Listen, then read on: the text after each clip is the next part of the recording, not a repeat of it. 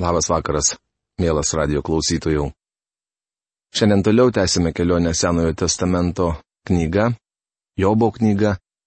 Ir jau trečioji laida, kaip mes nagrinėjame 32, 37 šios knygos skyrius, kurių tema yra Elihuvo kalba.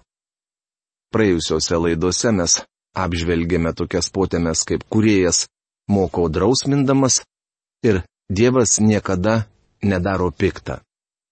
Šiandien toliau tęsime apžvalgą nuo 35 skyriaus ir mūsų potėmi Dievo pamoka Jobui. Tada Elihuvas toliau sakė. Argi manai, kad teisinga sakyti, aš teisus Dievo akise? Jobo knygos 35 skyriaus 1-2 eilutės. Sakydamas, jog yra teisus ir vis viena kenčia, Jobas tarsi tvirtina, kad Dievas klysta. Tokia išvada peršasi iš jo samprotavimų. Pasižiūrėk į dangų ir pamatysi, pastebėsi, kokie aukštesni už tave debesys. Jeigu nusidedi, tai kaip jam pakenki? Net jeigu tavo kalčių daug, tai kaip jį paveiki? Jobo knygos 35 skyriaus 5-6 eilutės. Tokį klausimą kėlė Jobas. Jis sakė, mano menkavertis gyvenimas nepaveikia Dievo. Nuostabiausia, kad paveikia. Nuodėmė yra ko ne beribė. Abromas nusidėjo suguldamas su tarnaitė Hagara. Ir štai pasaulis iki šiol moka už šią nuodėmę. Niekaip nesiliauja vidurio rytų konfliktai. Abromas Egiptietę pasiemė į žmonas pasiūlius Sarai. Tačiau tiek jis, tiek Sara buvo neteisūs. Ar labai? Spręskite patys. Jų neteisumo vaisius mes skiname jau keturis tūkstančius metų. Nuodėmi - siaubingas dalykas. Jį paveikia Dievą. Tavo nedarumas paveikia tik panašius į tave, o tavo teisumas padeda tik žmonėms. Jobo knygos 35 skyriaus 8 eilutė. Mano draugė, žinokite, kad jūs visuomet liudijate. Kas bebūtumėte, jūs esate pamokslininkas. Vieno girtuoklio motina paprašė manęs pasikalbėti su jos sunumi. Sykį, sutikęs jį besišlitinėjantį gatvėje, atsivedžiau pas save. Tuomet tiesiai šviesiai jam išklojau, koks jis niekingas ir nedėkingas, kaip skaudina savo motiną ir daro jai gėdą. Jis sėdėjo ir nuolankiai priėmė viską, ką jam sakiau. Galiausiai tariau, jūs pamokslaujate savo gyvenimu. Jūs esate pamokslininkas. Po šių žodžių mano pašnekovas pakilo ir vos nepuolė muštis. Galėjau jį vadinti bet kuo, tik ne pamokslininku. Nieko nepadarysi, bičiuli. Jūs esate pamokslininkas. Jūsų nedorumas kenkia kitiems, tuo tarpu jūsų teisumas gali kam nors padėti. Ir jie dėjoja sunkios priespaudos leigiami, šaukėsi pagalbos galingųjų engiami, bet ne vienas nesako, kur Dievas mano kurėjas, kuris duoda jėgų naktyje. Jobo knygos 35 skyriaus 90 eilutės. Profesoriaus Algirdo Jurieno Biblijos vertime 10 eilutė skamba taip. Bet ne vienas nesako, kur yra Dievas mano kurėjas, kuris duoda giesmių naktį. Tai nuostabu. Dievas duoda mums naktį giesmių. Tik jis gali suteikti džiaugsmo. Ar kada atkreipėte dėmesį į žodžius Te būna palaimintas Dievas mūsų viešpaties Jėzaus Kristaus tėvas, kaip verčia Kostas Burbulys Efeziečiams laiško pirmos kiriaus trečią eilutę. Ką reiškia žodis palaimintas? Laimingas. Dievas yra laimingas ir trokšta, kad mes būtume laimingi. Kai Mozė nusileido nuo kalno, jo veidas švitėjo, nes Dievas atleido. Jis parūpino auką už nuodėmę ir buvo pasirengęs išlieti žmogui malonę. Jonas rašo. Ir tai mes rašome, kad mūsų džiaugsmas būtų tobulas. Pirmas Jono laiškas, pirmas skyrius, ketvirta eilutė. Dievas duoda mums naktį giesmių. Naktiniuose klubuose skamba dainos, už kurias reikia mokėti. Maža to, kitą rytą nuo jų skauda galva.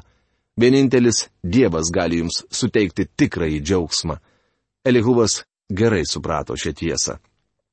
Baigęs skaityti Elihuvo kalbą, pamatysime, kad Dievas kreipsis į Jobą. Užslinks audra ir iš jos prabils Dievas. Gyvenimo audrose Dievas nori mums kalbėti ramybės žodžius. Neleiskime aplinkybėms atsistoti tarp mūsų ir Dievo. Dievas - didis mokytojas. Paskui Elihuvas tęsė kalbą, sakydamas. Pakesk mane dar šiek tiek, pamokysiu tave, nes dar turiu šitą pasakyti Dievo vardu. Jobo knygos 36 skyriaus 1-2 eilutės. Elihuvas gina Dievą. Jis, kaip ir kiekvienas iš mūsų, ribotai pažino Dievą. Dievas yra begalinis, todėl mes nežinome visų atsakymų. Šio laikiniam žmogui be galo sunku. Vienas vyras man sakė, aš negaliu tikėti. Paklausiau, kuogi jūs negalite tikėti? Ar tikite, kad Jėzus numirė ant kryžiaus ir prisikėlė? Jis atsakė, kad tiki. Tuomet kodėl negalite juo pasitikėti? Yra daug kitų dalykų - sukūrimas, Jona, Nojus, stebuklai. Bet to tas vyras dar turėjo įvairiausių asmeninių problemų. Tuomet pašnekovas bandė pasiteisinti. Jūs tvirtinote, kad mes netikime dėl savo nuodėmis, bet aš noriu būti tikintysis. Leiskite pasakyti, kad šis vyras darė tikrą nuodėmę. Kokią? Ogi leido, kad tai, ko jis nežino, trukdytų tam, ką jis žino. Bičiuli, jei žinote pakankamai, kad galėtumėte pasitikėti Kristumi, visa kita susitvarkys laikui bėgant. Pateiksiu vieną iliustraciją. Dabar jums kalbėdamas, aš sėdžiu ant kėdės, apie kurią daug ko nežinau. Visų pirma, nenumanau, kas ją pagamino. Negaliu net kompanijos pavadinimo pasakyti. Nežinau ir iš kokių medžiagų pagaminta kėdė, kokios medienos kojos, kokiu audiniu aptraukta sėdimoji dalis. Tiesą sakant, aš labai nedaug tai išmanau apie kėdę, ant kurios sėdžiu. Tačiau žinau pakankamai, kad galėčiau atsisėsti ant jos, pasitikėdamas, jog ji mane išlaikys. Ar žinote, kad Kristus numirė už jūs? Ar žinote, kad jis prisikėlė? Gerai, tuomet pasitikėkite juo kaip savo gelbėtoju. Galiu jūs užtikrinti, kad ilgainiui visos kitos abejonės išblės. Jei man būtų svarbu apie šią kėdę žinoti daugiau, manau galėčiau įsiaiškinti. Tačiau man pakanka ir dabartinių žinių, kad galėčiau drąsiai ant jos sėdėti. Aš labai mažai ten nutuokiu apie lėktuvą ir netgi jame nejaukiai jaučiuosi. Visgi sėdu į jį ir skrendu, kur man reikia. Dievas laukia, kad mes taip pat pasitikėtume Kristumi.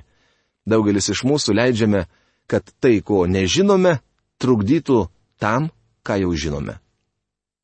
Elihuvo pažinimas buvo išties ribotas. Savo žinojimą atsinešu iš toli ir pateisinsiu savo kūrėją. Jobo knygos 36 skyriaus 3 eilutė. Po daugelio metų tą patį sakė ir Paulius. Gal Dievas neteisingai daro? Štai atsakymas. Nieku būdu. Rumiečiams laiško 9 skyriaus 14 eilutė. Dievas teisus ir visuomet elgesi teisingai. Nors Elihuvas priskiria teisumą Dievui, tačiau tvirtina, jog Dievas atskirtas nuo žmogaus ir žmogus negali jo pažinti. Beje, šiuose žodžiuose yra dalis tiesos. Tačiau kas šiandien mus atskiria nuo Dievo? Įsiklausykite į Elihuvo žodžius. Iš tikrųjų, mano žodžiai nemelas. Prieš save matote žmogų, kuris tikrai žino. Jobo knygos 36 skyriaus ketvirta eilutė.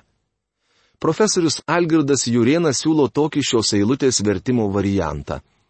Nes tikrai mano žodžiai nemelas. Tobulai žinantysis kalbasi su tavim. Tai yra tik Dievui būdingas tobulas žinojimas.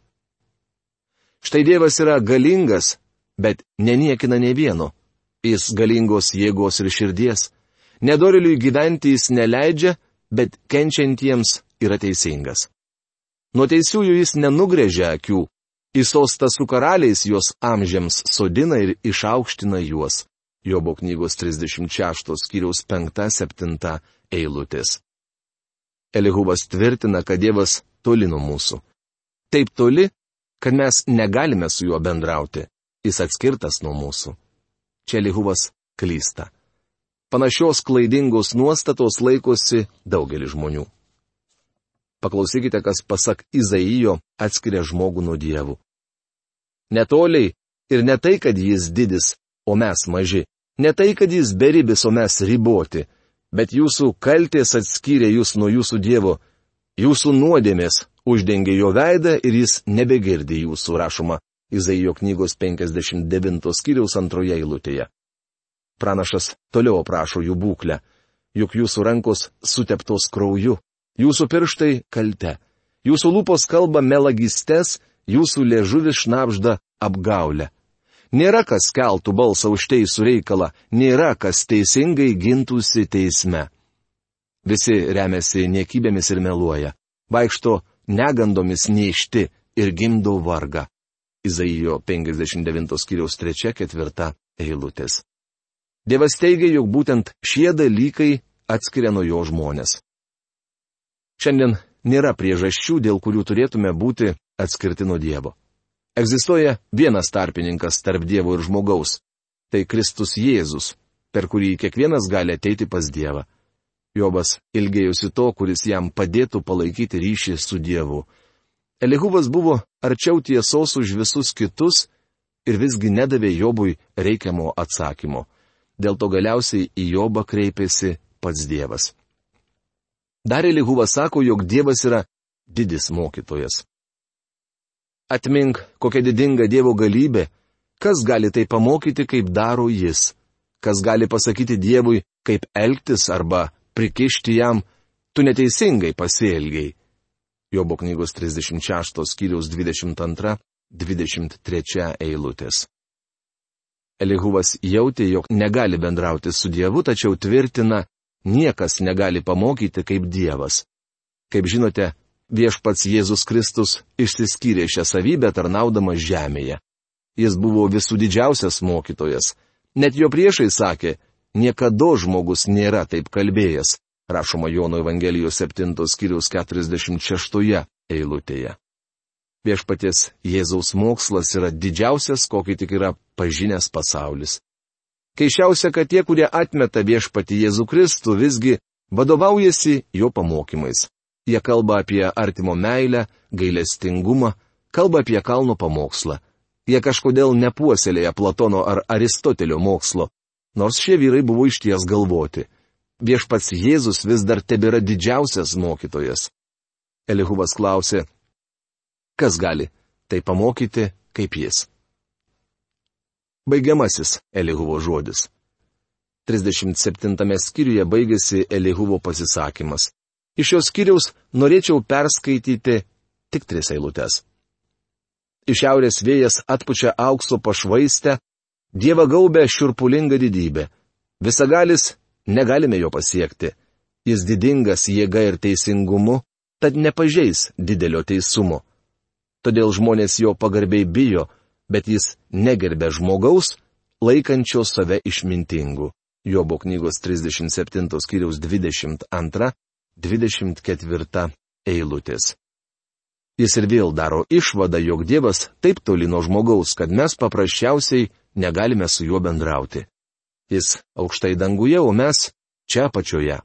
Tačiau mes jau skaitėme, kad ne Dievo didybė ir galybė atskiria nuo jo žmogų, bet patie žmogaus nuodėmi. Iš šios skiriaus aiškiai matyti, kad Elihuvas negali būti pranašas ar Jobo tarpininkas. Tai viena iš priežasčių, kodėl aš niekada nenorėjau imtis konsultanto vaidmens. Manau, kad žmogus įsivaizduojantis save konsultantu užima dievų vietą. Bičiuliai bandė patarti Jobui, jie stengiasi užimti dievo vietą. Tačiau bėda ta, kad jų pačių pažinimas buvo ribotas. Turėtume blaiviai vertinti konsultaciją.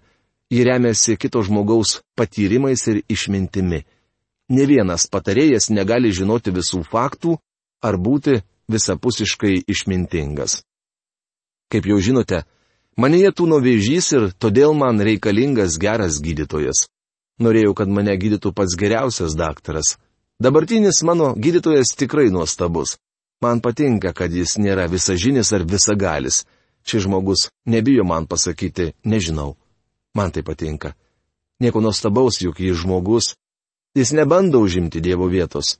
Tai puikus krikščionis gydytojas, besistengiantis tarnauti Dievui, todėl nemėgina užimti visagalio vietos. Panašu, kad Elihuvas jau taikė į Dievo vietą. Jis norėjo būti Jobo tarpininku, tačiau supranta, kad gerai nepažįsta Dievo. Elihuvas toli nuo Dievo ir nežino, kaip prie jo priartėti. Štai kodėl atėjo laikas prabilti pačiam Dievui. 22 eilutėje girdime Elihuvo orų prognozę. Jis sako, iš šiaurės vėjas atpučia aukso pašvaistę. Kodėl jūsų manimų jis tai pasakė? Aš manau, kad jam bekalbant, horizonte pradėjo kauptis audros debesys. Dangus darėsi vis tamsesnis, artinusi audra.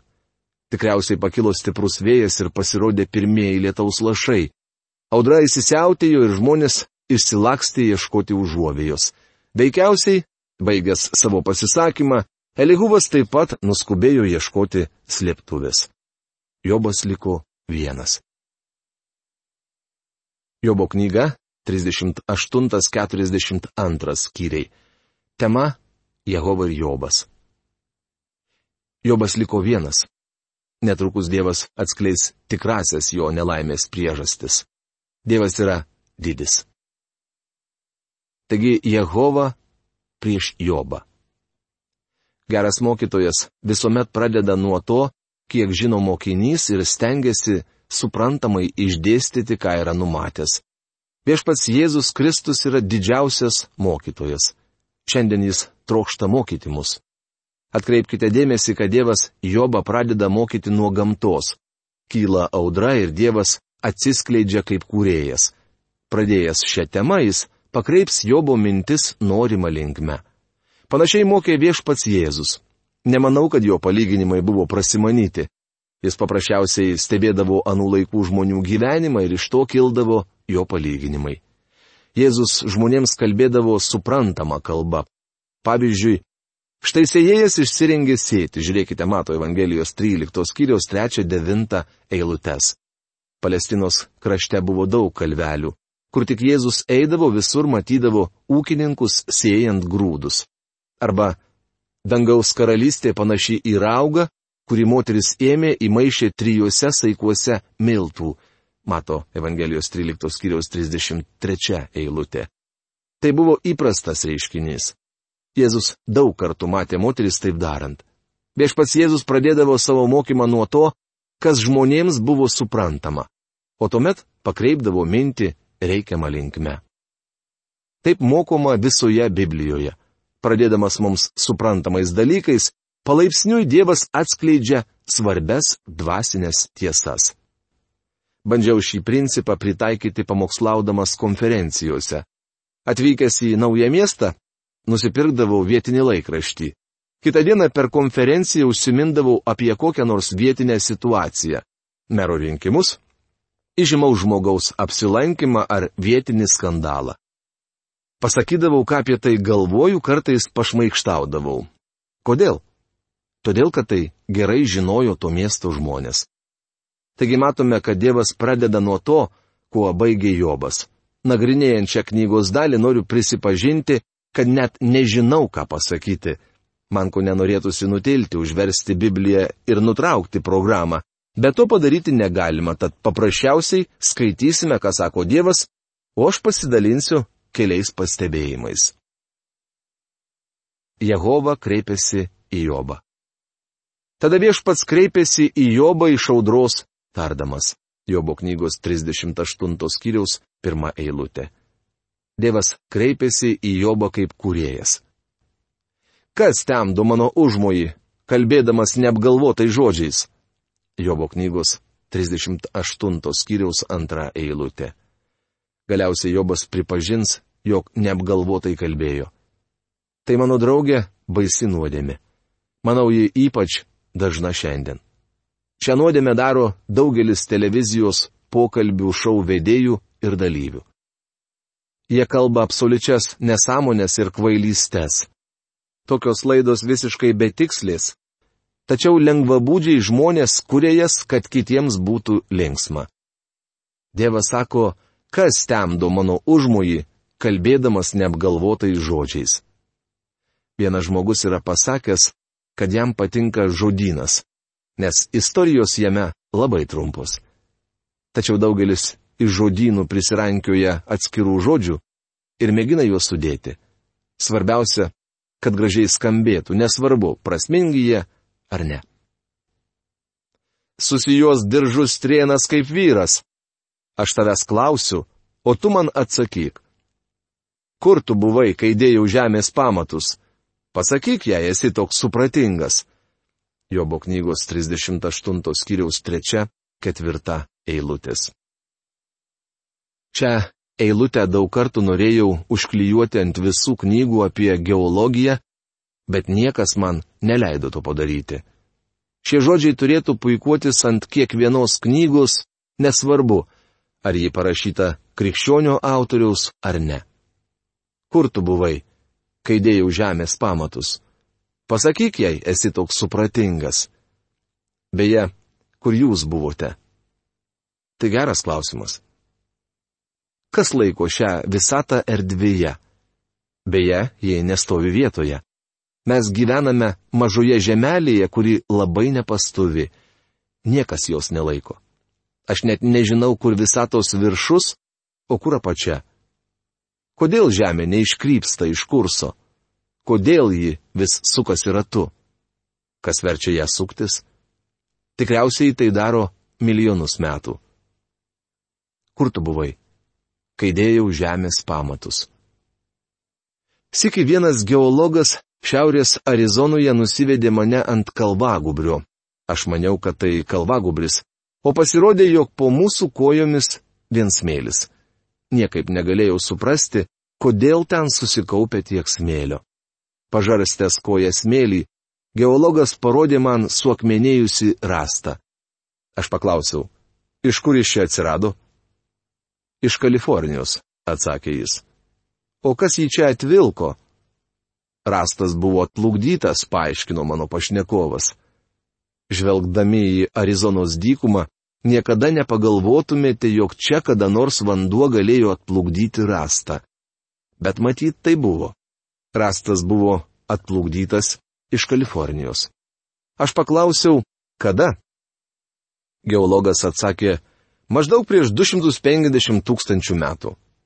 Šio vyro žodžiai nuskambėjo taip, tarsi jis būtų matęs, kaip atplaukė šis rastas. Galimas dalykas geologas teisus. Aš jam neprieštarauju ir netvirtinu, jog jis klysta. Noriu pasakyti tik tiek, kad nemažai žmonių kalba taip, tarsi žinotų, kas įvyko prieš milijonus metų.